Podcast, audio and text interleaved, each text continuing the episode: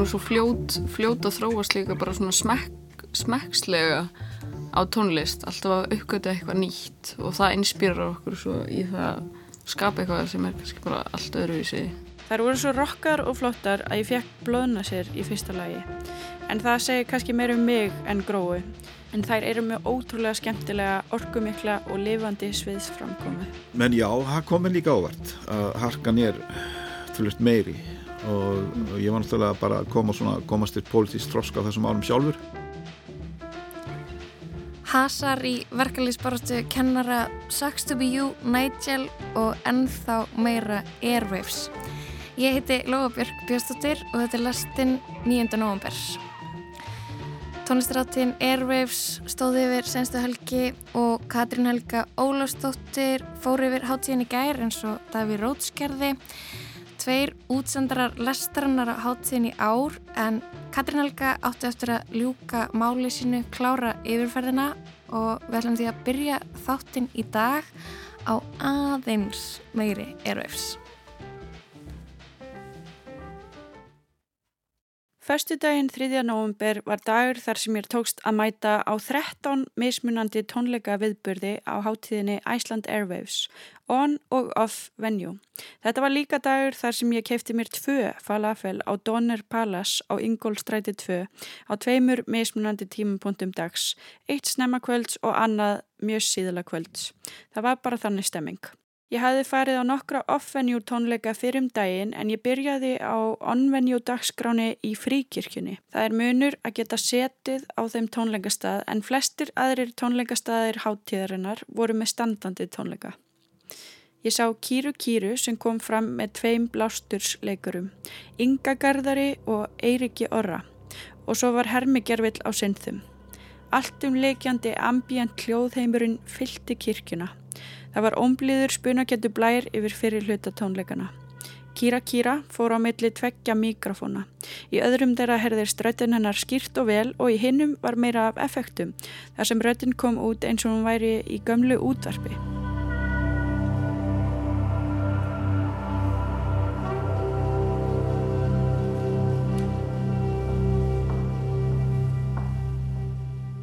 Sandra Jatti söng með henni í einu lægi sem það ræði sami saman.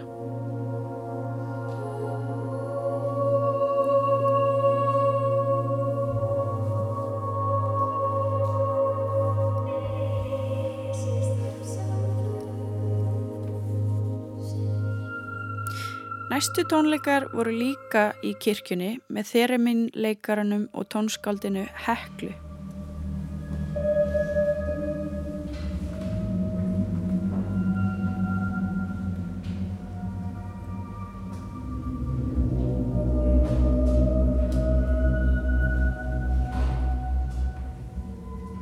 Rauð ljós lístu upp kirkjuna og drungaleg heit fyltu kirkjuna á lotningarfullan hátt.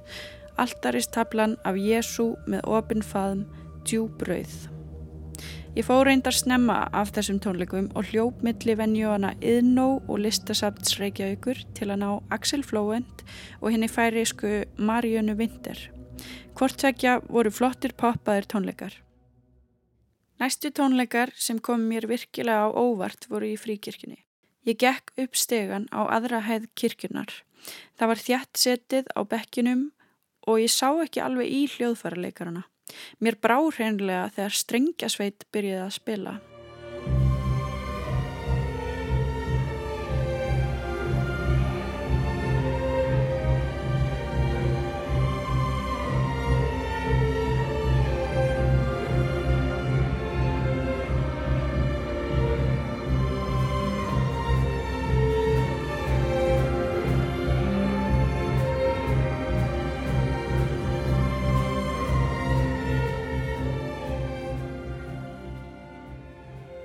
Var bandið Slow Shift sem ég hafið ekki heyrt um áður og var bara tilvílun að ég ákveða að sjá. Bandið samanstendur af norskum, sænskum og íslenskum hljóðfæraleikurum. Þar eru Brynjar Leifsson sem hlustendur geti þekkt sem hljómsveitar meðlim of Monsters and Men, Kristoffer Ló sem er norskur, Tómas Jármýr frá Svíþjóð og Trondheim Soloists sem er 12 manna strengjasveit. Tónlistin var dramatísk og cinematísk og innihjalt oft skemmtilega takta og pólirithma. Í hausnum var ég mætt eitthvað annað, í bíómynd þar sem ég stóð í norrætni eðimörk í stormi að leita elskuða míns.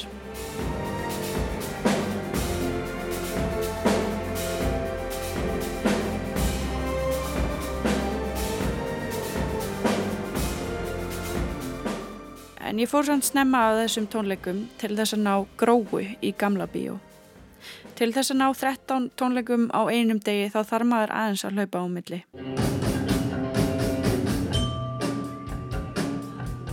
Gróa er upprunalega tríó.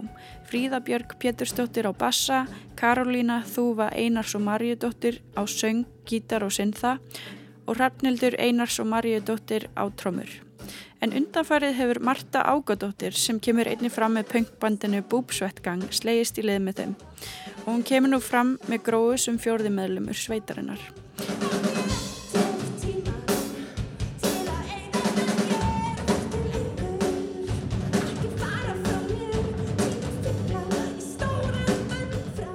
Í byrjun tónleikana ég að hún væri aðeins hæpmenn eða peppari eða þessi sem hefur það eina starf að halda góðri stemmingu meðal áhörvenda.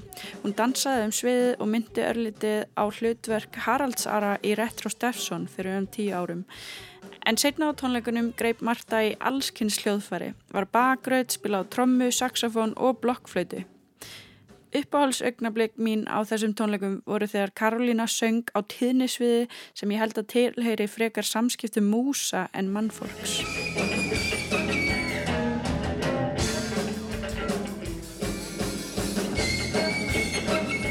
Þær voru svo rokkar og flottar að ég fekk blöðna sér í fyrsta lagi. En það segir kannski meir um mig en grói. En þær eru með ótrúlega skemmtilega, orkumikla og lifandi sviðsframkomu. Karolína og Marta kom mér sér á stað svo kalluðum Mosspitt í lok tónleikana.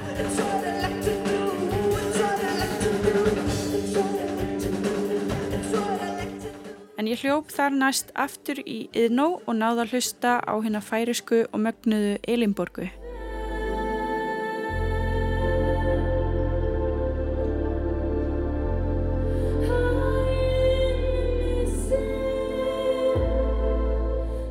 Hún kom fram á samt tveim hljóðfæraleikurum, slagverksleikara og syntharleikara og spilaði sjálf á gítar. En það er vist hannig að á förstu deginum á Airwaves í Yðná er færiakvöld, hefur vist verið þannig í nokkur ára minnstakosti.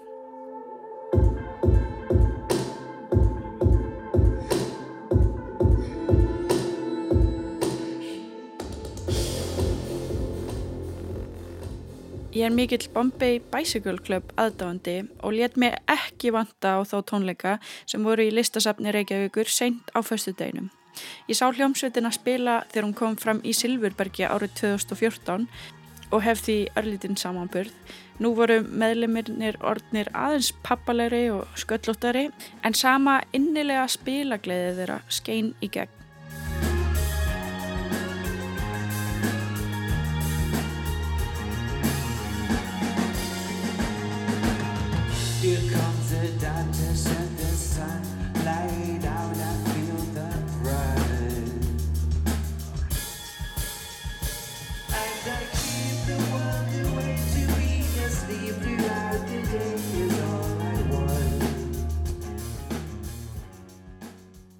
Síðasta verkefni kveldsins var svo bara að fá sér fyrirnefnt falafel og koma sér heim. Á laugadeginum tók ég því nokkur rólega. Ég byrjaði ekki að fara á tónleika fyrir klukkan nýju í Yðnó þar sem Elisa Píe kom fram á samt hljómsveit. En hún kemur frá Núnavík sem er norðarlega í Kanada og er Inuk eða frumbyggi. Hún tók lög á frumbygjamáli sínu bæði coverlög eða ábreyður og eiginlög. Hún söng líka í sérstökum stíl í sumum lögum þar sem hún notaði hálsin og öndun til að breyta hljóðinu sem hún gaf frá sér. Það er einstök söngtakni og performance á ferð og var gaman að vera veitni að.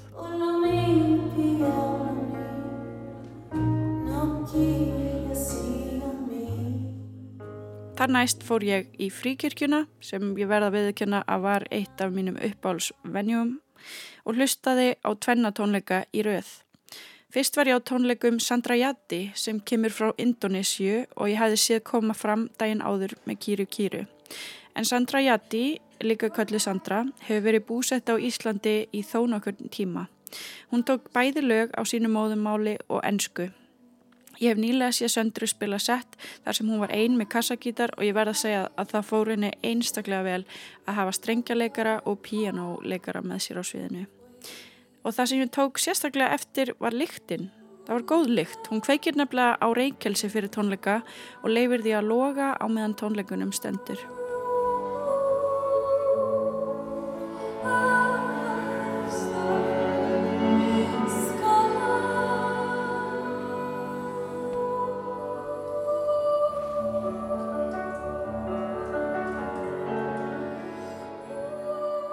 Í nokkrum lögum hoppaði eigin maður hennar Óláfur Arnalds á flílinn.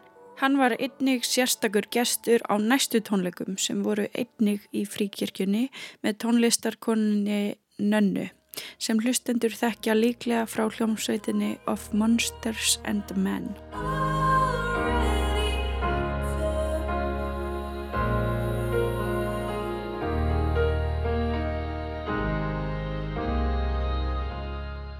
Ólafur Arnalds var ekki einu gesturinn heldur kom Salome Katrín einni fram á samt hljómsveit nannu í einu lægi. I cannot hold you but it's harder to let you go than try If you don't know if you can see color How do I know that you can see me now I wouldn't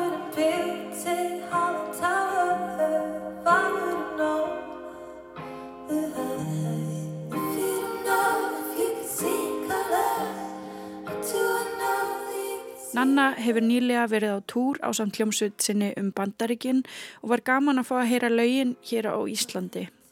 Flest laugin sem þau spiluðu voru af nýri plötu hennar How to Start a Garden og þetta voru fallegir tónleikar.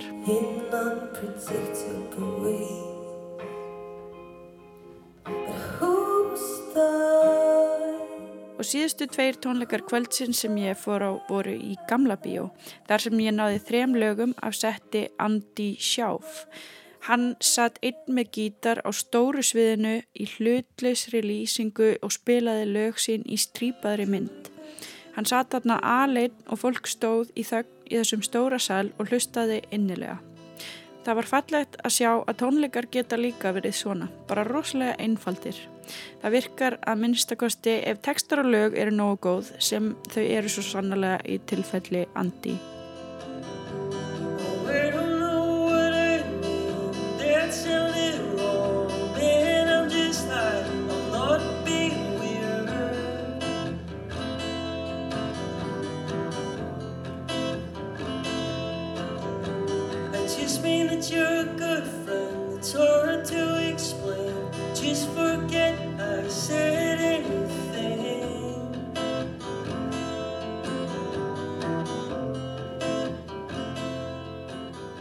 Þar næst steg Jófríður eða JFDR á stokk.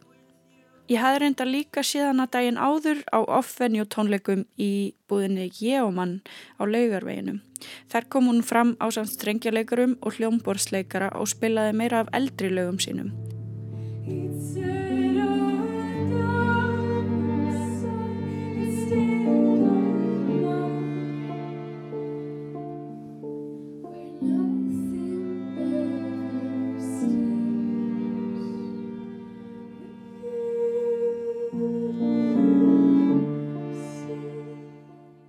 En í gamla bíó var gaman að sjá nýri lög, mest af plötu hennar Museum og hljóðfæraskipanin var svo að Josh Wilkinson sem er einni eigin maður hennar spilaði á syntha og Karl Pestka spilaði á víjólu. Ég verði að segja að það var mikill inblástur fyrir mig að sjá allt þetta frábæra listafólk koma fram og ég geng bara mjög sátt frá borði eftir alla þessa tónleika sem ég sá. Takk fyrir mig.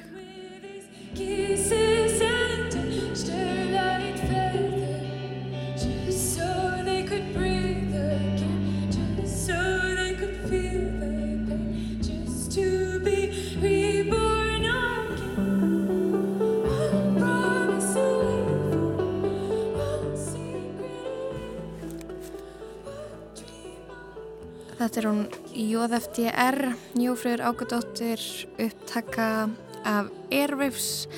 Það er hún Katrín Helga Ólafsdóttir sem að setti punkt við Airwaves yfirferð lestrannar í ár.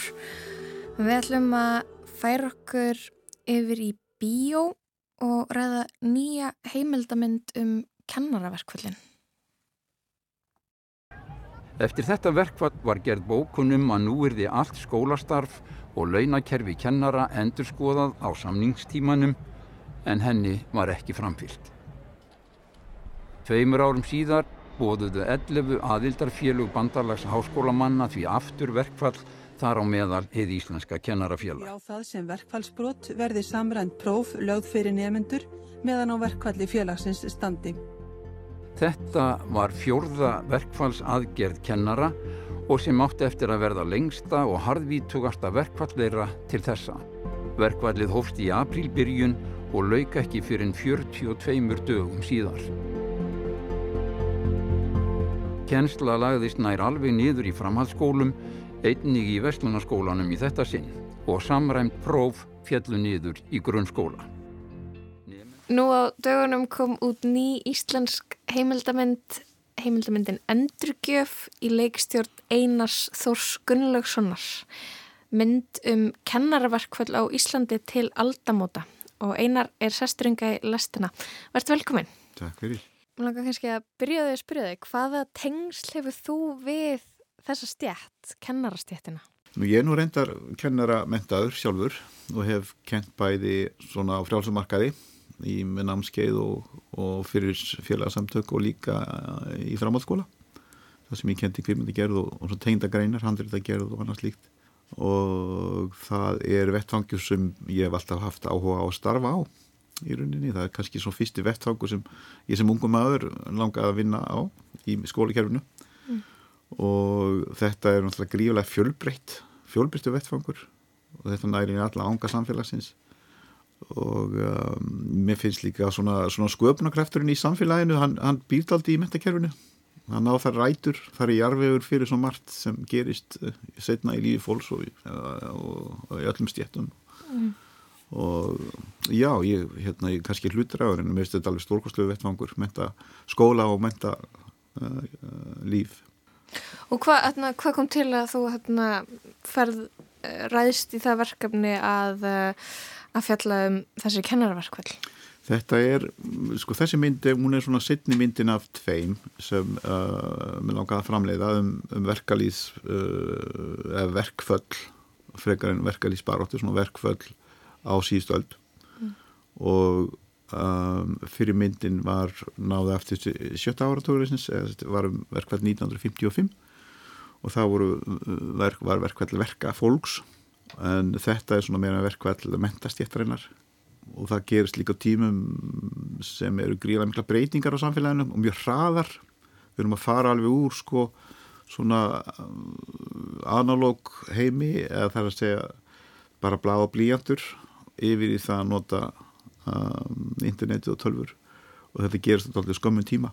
Og um, þetta tvent bæði mentakerfi og skóla, skólakerfi og skólalíf og svo þessar miklu, miklu breyninga það er með þetta mjög heitlandi samsetning á, á, á, á sögu.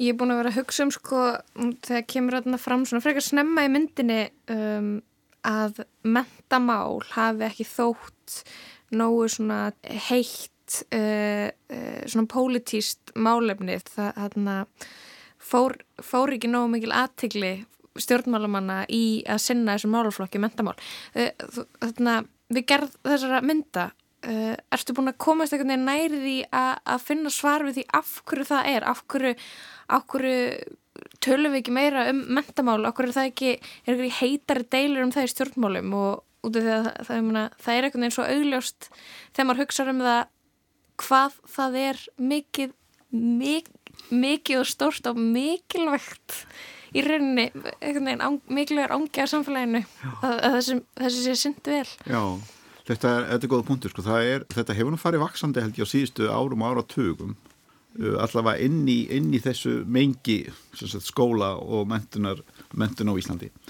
Og myndin hún endar þarna rétt fyrir aldamótin og, og, og hérna sko það eru ákveðin skil þannig að bæði í sambandi við verk kjarabartuna og líka semst viðhorfi til mentunar og eftir um aldamótun eftir aldamótun þá, þá saminast öll félagin meira undir eina reglíf og líka að hérna verkfallsbarð, eða þessi verkföllum þau fara að snúast aðeins meira um hugmyndir eða um starfsaðstæður kennar út á hvað gengur mentun sem svona þessi stóra mynd uppbyrðisfræðinar sko, hvað eru við að gera hvað eru við að gera, hver eru okkar skild hver eru okkar skildur en ég held sko svona, svo ég svara þessari spurningu með akkur voru ekki talað, akkur, akkur var mentun ekki selnilegri sem, sem, sem, sem svona, svona sem pólitíst viðfáðsefni í kostningum og, og annars líkt er að að stjórnmálabaratan og stjórnmálaumræðan hún engendist mjög mikið af, af efnahagsmálum og að halda svona sjó eins og við getum sagt og mikið verkföllum á þessum áratugum eða þessu frá 80-90 sérstaklega.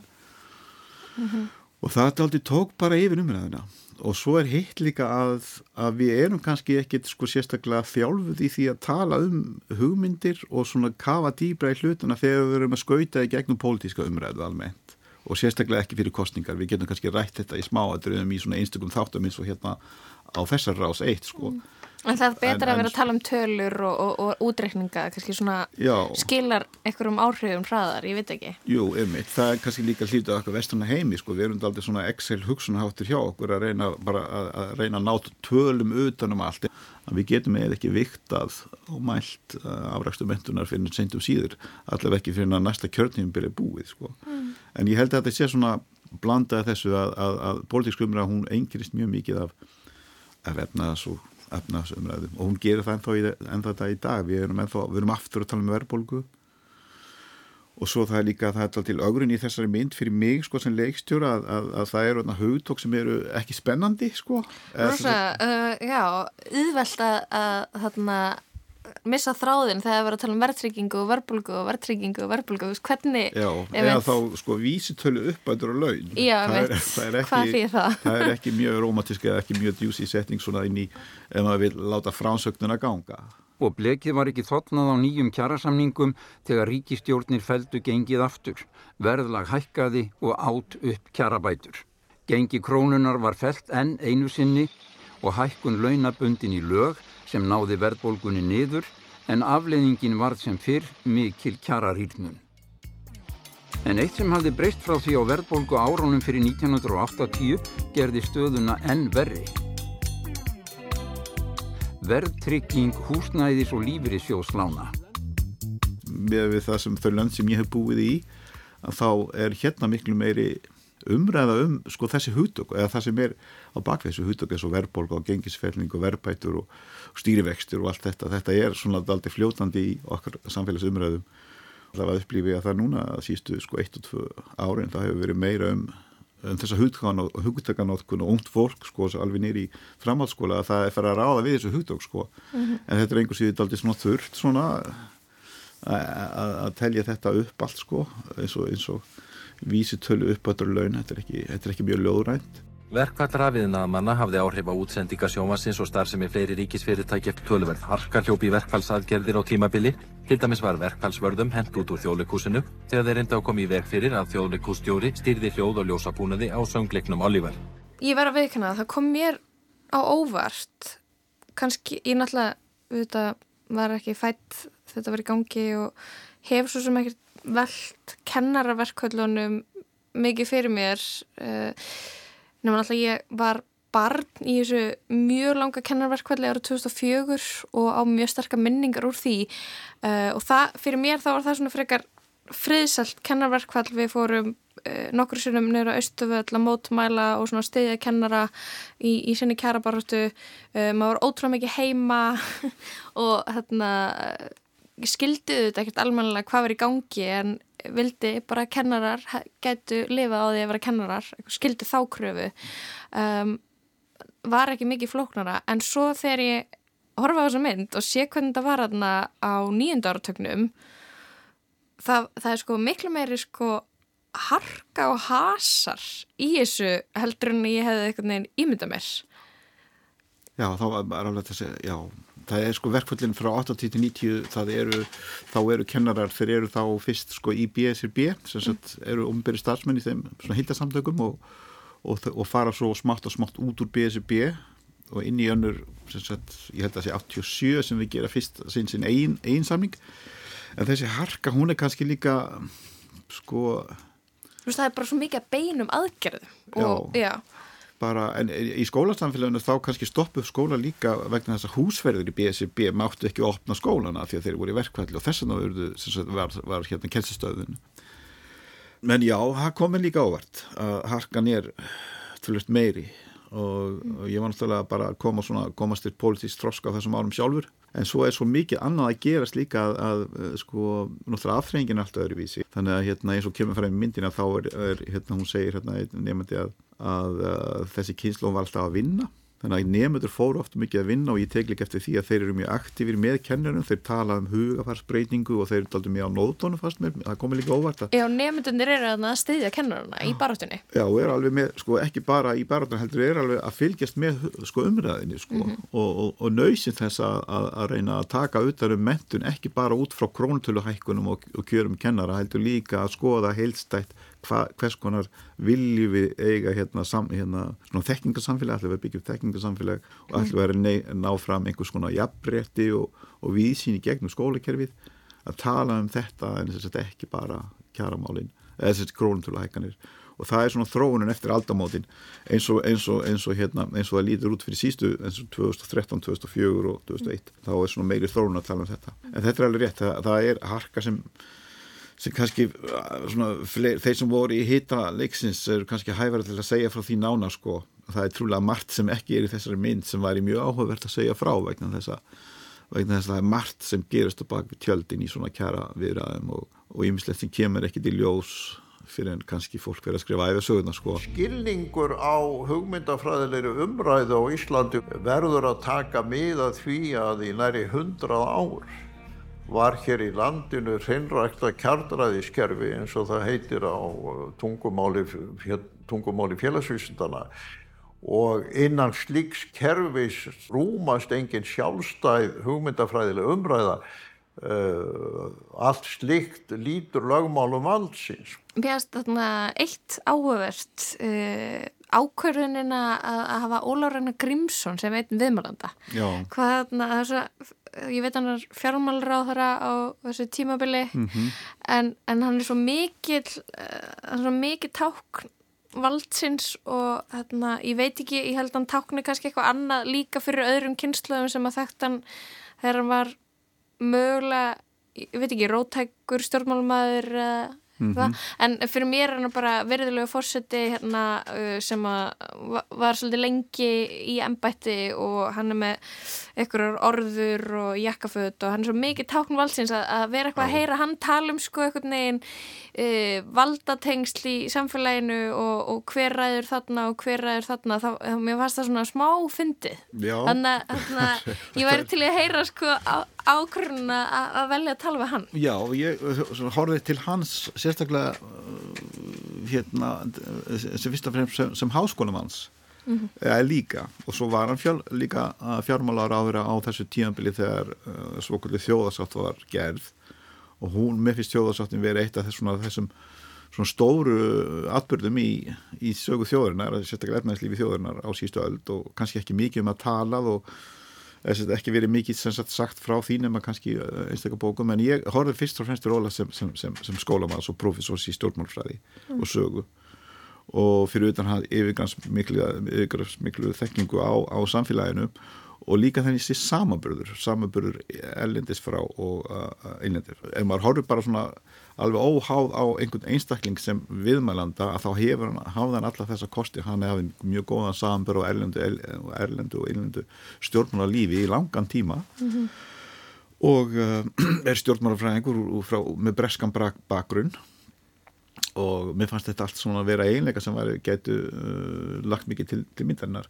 En svo líka þetta með valdið því hann talar um valdið og, og þessar, þessar, þessar, og þessi hugmynd þessar hvort við höfum getið sér samfélag að, að, að, skiptast á skoðunum semst orðræðan í samfélaginu. Og hann var til í að, að spjalla eins um það þannig að mér fannst þetta bara koma vel, vel út að fá hann og, hann, og, hérna, og bara þakkláttur fyrir hann tók þátt, þátt í þessu.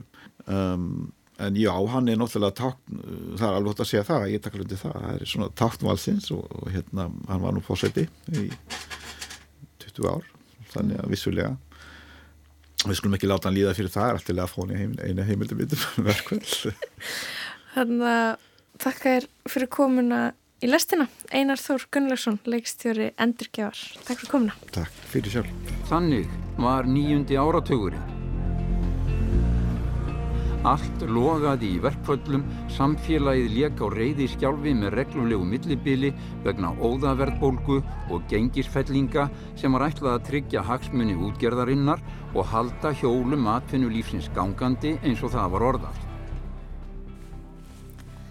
vorum að ræða myndina Endurgjöf við leikstjóra myndarinnar, þetta er ný íslensk heimildamind, hún er í síningu í Bíóparadís þess að dana og svo setna er hún væntanleg í síningu í Ríkismárspinu.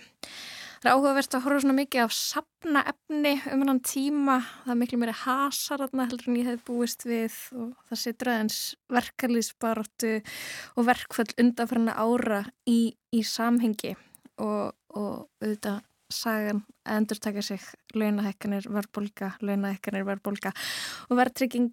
Um, en við ætlum að fara úr verkföllum kennara yfir í rock. Hljómsveitin Sucks to be you, Nigel kom með krafti inn í reikvísku grassrota rock senuna fyrir tveimur árum með plötinni Tina Blóm. Þetta var rátt og ungaðingslegt punk gítarriff klift út úr íslensku 80's punkbylginni og tekstarnir súrir og hressir brandarar um það að skera börn í tvent um þrána eftir raflosti og ljót blóm. Fyrir hana fengu þau Kraumsverlunin og hlutu einni viðkenningu á tónlistaverlunum Reykjavík Greipvæn á tónlistaverlunum Reykjavík Greipvæn en á morgun kemur svo önnurplata sveiturinnar Börnóis fuggla háfaði en Á þessari plötu hefur hljómsveitin tekið algjörlega nýja stefnu.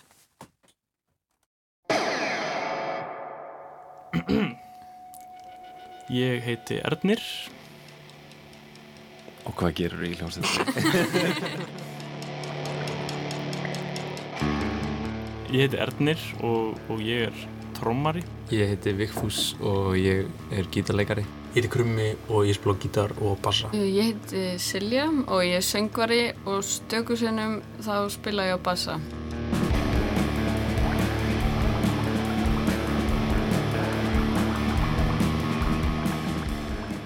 Hvaðan komið þið? Svona hvaðan úr bænum hérna og, og svona, já, hvaðan þekkist þið? Já, sko... Um, þið komið allir úr, eða þið þrýr strákanir komið úr Vesturbænum ég kemur Mosó og við kynnumst basically bara í MH Já. Ná við fúsi um, þekktum kynnumst í leikskóla. Já. En annars, ég má Já, við fúsi stundu kallaður Fúsi. Ó já, já. Það eru sem sagt Fúsi og Krummi sem að svolítið byrja þessa hljómsveit og rótera svolítið meðlumum þangar til að ég, Ernir, bætist við uh, og svo Silja. Mm -hmm. þá eru við fullmótað band.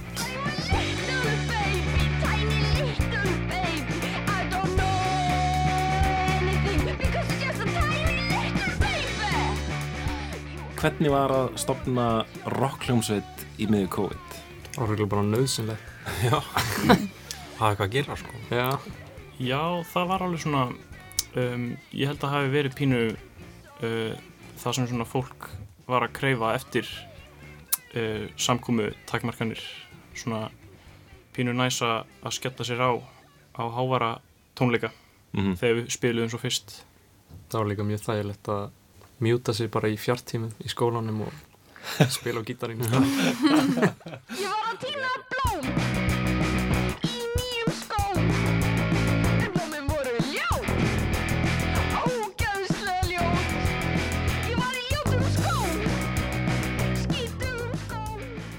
Tónleikar komið eða bara á þeim tíma sem við vorum komið með eitthvað magna af lögum. Til að geta spila á tónleikum. Já, þannig að það var bara frekar góð tímasetning Það var þarna í lók apríl 2021 þá spiliðum við á svona fyrstu tónleikunum okkar sem var svona uh, takmarka tónleikar, það máttu bara vera 20 manns inn í rýminu. Þarna hjá svona eiginlega algjörir vinar hljómsveit okkar sem heitir Trailer Todd. Sem hefur Komið hingað. komið hingað í lestina. Geggjuljónsett Mhm. En já, þau þess að að því við bara erum öll bara vinnir Mm. þau bara spurðu eitthvað, hei, viljið þið ekki bara prófa að spila? Og það, það var mjög þægilegt að það var svona mjög stýrðar lítið af fólki stýrðar aðstæður og lítið af fólki til að spila fyrstu Já, já. fullkomið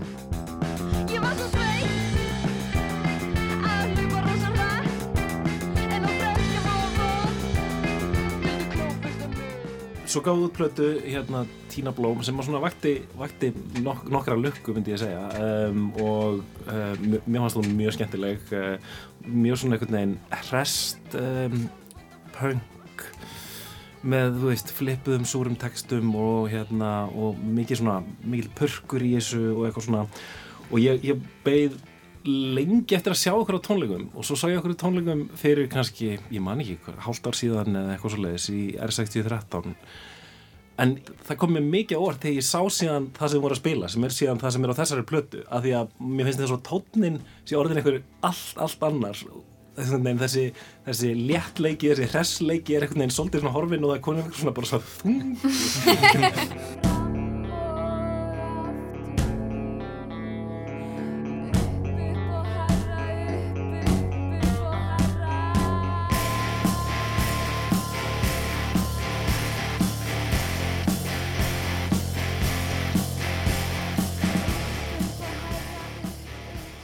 held að sé fullkomið sko að fyrsta plata plata hljópsveitar sé punkplata sko Já, fyrsta platan dreiguð inn og síðan kýlir næsta að plataði niður í gólfið Já, ég heldur bara verið tóldir svona búin að klára líka fyrir okkur allavega þessar punk-pælingar, Já. alveg punk vildum Já. tóldir bara fara að gera eitthvað annað veginn, eða svona aðeins öðru sem bara því hvernig tónlist við vorum að fíla og svona Já, við, við erum svo fljót, fljót að þróast líka bara svona smekk, smekkslega á tónlist, alltaf að uppgöta eitthvað nýtt og það inspýrar okkur svo í það að skapa eitthvað sem er kannski bara allt öðru í sig. Mhm.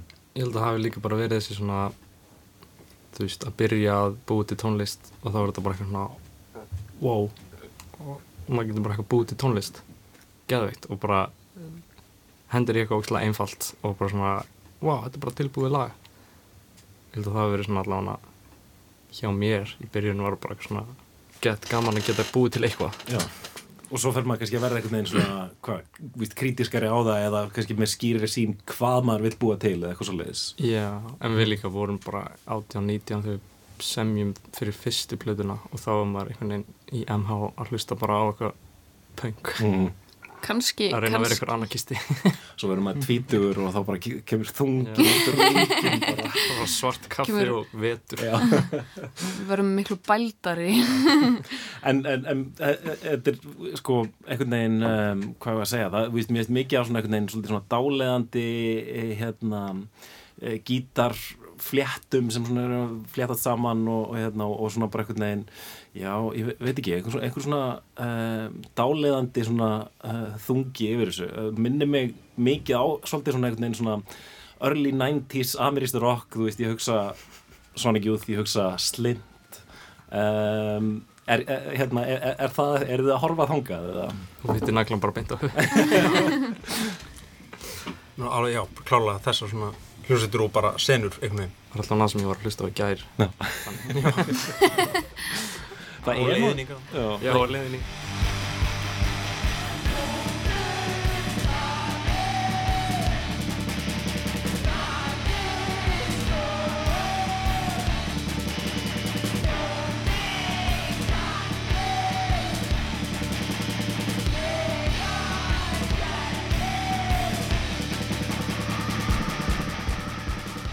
Er ekki svona svolítið eitthvað svona 90s revival í gangi? Við erum Ég raunar, vona það. við erum ekkert skapandi, við erum bara að fylgja, fylgja tískuströmmum, Já. sko. Hérna, er, er það að horfa þangað lí, þú veist, er, er það fyrst og fremst í tónlistinni eða ég veit það ekki, er það að horfa 90s bíómyndir eða veist hvað Held, ekki ég persónulega. tónlistin, Já. sko. Já.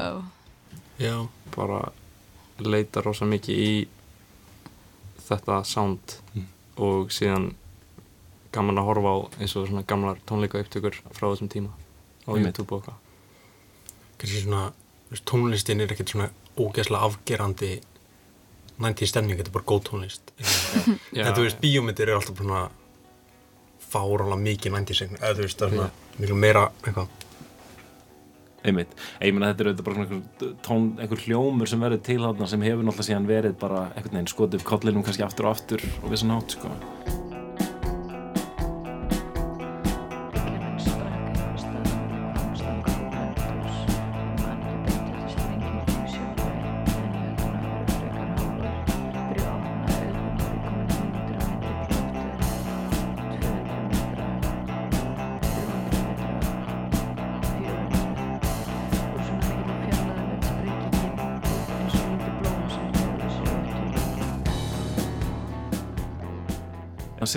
þú uh, á fyrri plötunni þá varstu svona svolítið að öskra uh, og í einhverjum viðtölum þá vildur við frekar tala um sjálf að þeim öskrara en núna er þetta eiginlega farin að kvísla Sko, ég held að þetta hafi verið bara sko, eitthvað litað ykkur óryggi að ég var að tilla mig sem öskrara. Ég var ekki nógu hérna að hugra okkar að kalla mig söngvara, sko. En ég er, ég er alveg söngvari. En jú, ég er farin að kvísla meira núna. en það er líka öskur. Það er kannski bara svona, svona, eh, þetta er bara miklu dýnamískara heldur en á fyrirplutunni. Kvísl, tal, líka smá svingur og svo smá öskur. Hvernig gengur að mixa það á tónleikum? Það er hræðilegt. en við erum svo heppin að hérna við erum að halda útgáðu tónleika uh, á laugadaginn og við erum svo heppin að maðurinn sem tók upp plötun okkar mixaði mastari og gerði hana alla hann ægir í Ægir R6013 já. Hann er að fara að vera á hljóðinu þannig að hann veit alveg hann veit alveg hvað er að fara að gerast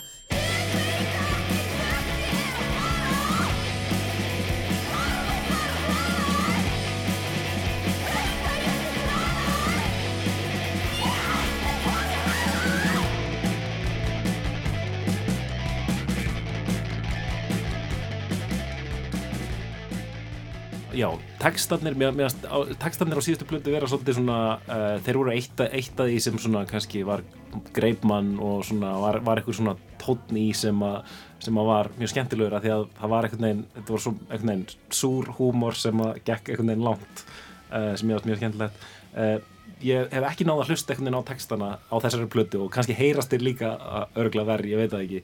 En hvar eru þið stödd svona viðfóngsefnalega séð núna? Þetta er allavega svona aðeins uh, alvarlegra Já. er það ekki? Jú.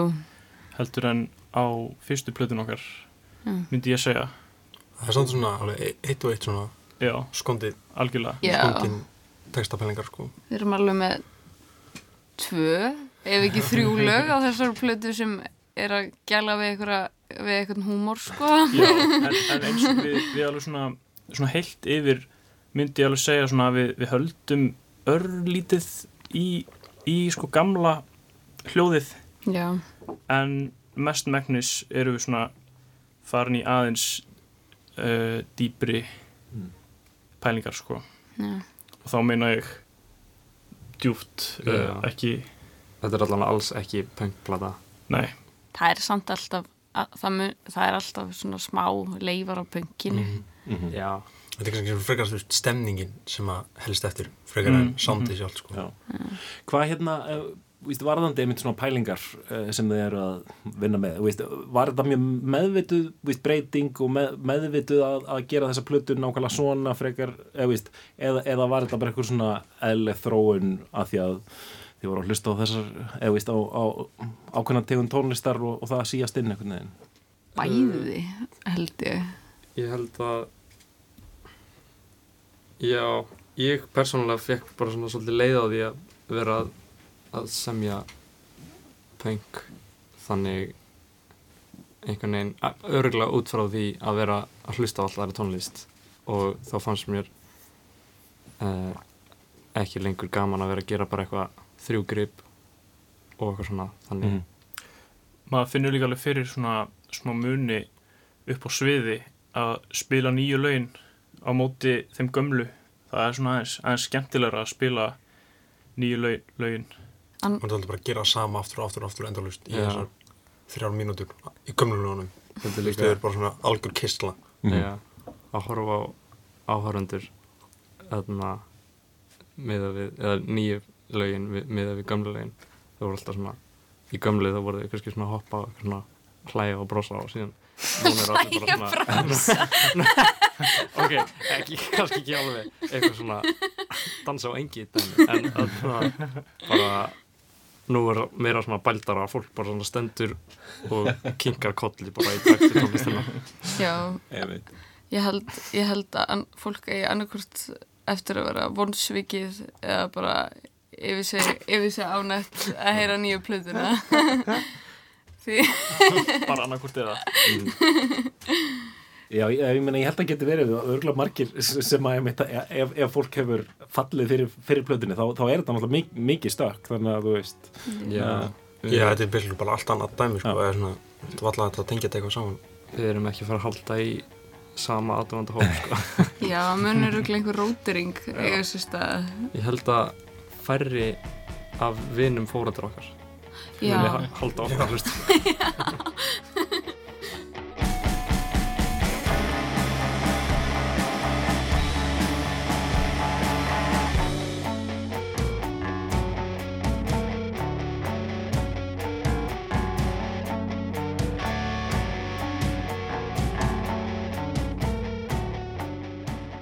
spila útgáðu tónleikum núna uh, um helgina um, það er á Keks, er það ekki? Jú. Það er eiginlega bara orðin svona hvað ég að segja, aðal tónleikastæðurinn fyrir eitthvað svona grassrótar Já, það er náttúrulega bara Það er þrýr bara- staðir í bænum sem hægt að halda tónleika núna Já. Keks, Gaugurinn og R6013 Einmitt. Hvernig skinnið þið svona senuna? Postdreifing hefur verið kannski svona um, það sem hefur verið hvað mest áberandi í svona grassrótinni undanfærin ár. E, víst, þið, er, er þið meðlimir í því eða eru þáttakandur í starfi postdreifingar? kannski ekki beint meðlimir en, en hérna, við erum mikið inn í þessum hópi. Og það er líka mjög órætt hverjir eru partir á póstreifingu Já. það er bara allir einhvern veginn að hjálpa stað og gera hluti saman. Og við höfum oft tekið þátt í starfi póstreifingar og verið á tónleikum og svona Þú veist, hjálpa okkur mjög mikið með fylgta dótið á tónlingum og Já, En- sko, eina sem að skýra okkur úr póstreifingu er að við erum ekki gefa út hjá þeim En mér finnst það mjög góð spurninga því að það eru eiginlega bara allir tónlist, tónleika staðirnir pínu döðir og póstusinu var náttúrulega lokað. Já. þannig að póstdreifing er svona pínu uh, á flakki og út um allt og í, í svona pínu laus, lausu. Það er svo gott að vera með hennan svona samastað Já. Það er mjög cool tónleikaröð sem ég veit ekki hvort það séu ennþá í gangi en það var í sumar þar sem ég heldu eina tónleika mánuði í Bíóparadís. Já. og það var, það var oftast mjög cool. Við erum alveg svo uppskroppa með hérna tónleikastæði við erum farin að spila í bíó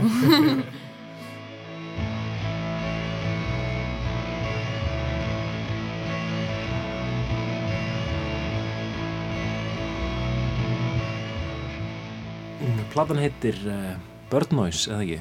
Hvað hérna, hver er pælingin, pælingin með því?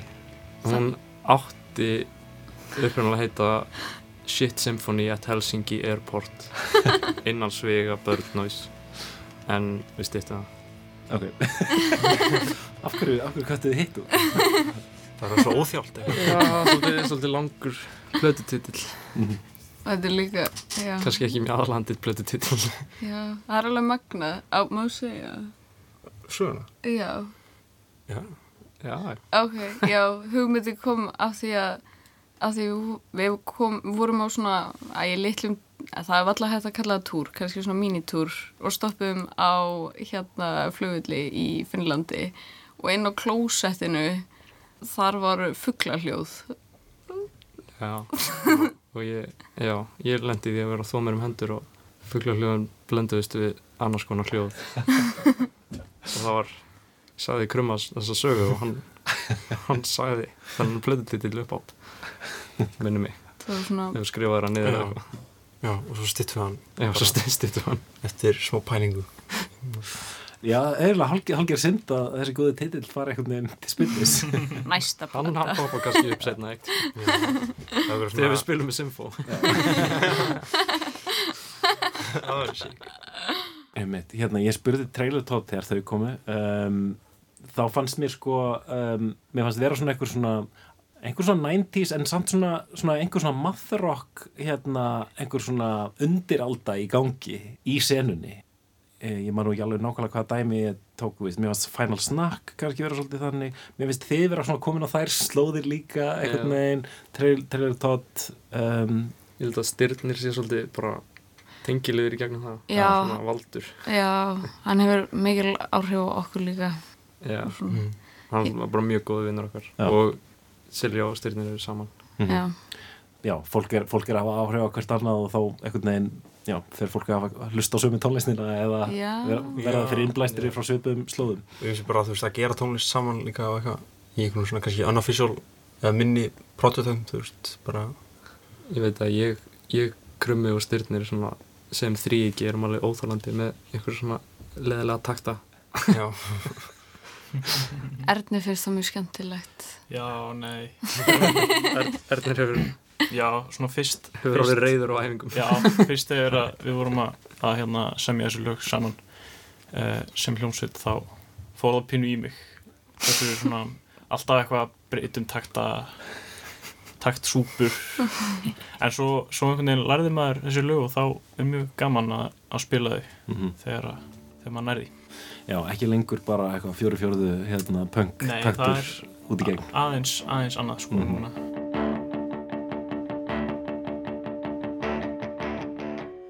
Platan heitir Bird Noise. Um, bara takk kjærlega fyrir að koma í lestina. Sucks to be you Nigel. Um, og til að mikið með plötuna, gangi vel á tónleikum á lögadag Takk fyrir. Takk fyrir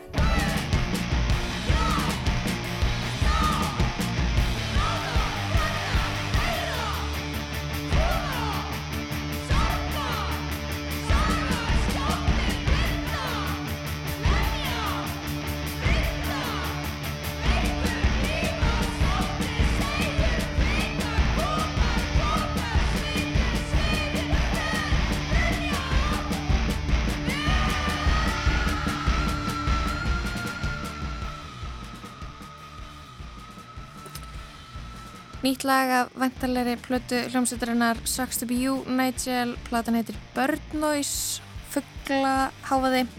Kristján Guðansson rætti við meðlemi hljómsveitarinnar. En það kom að leiðalokum í lestinni í dag.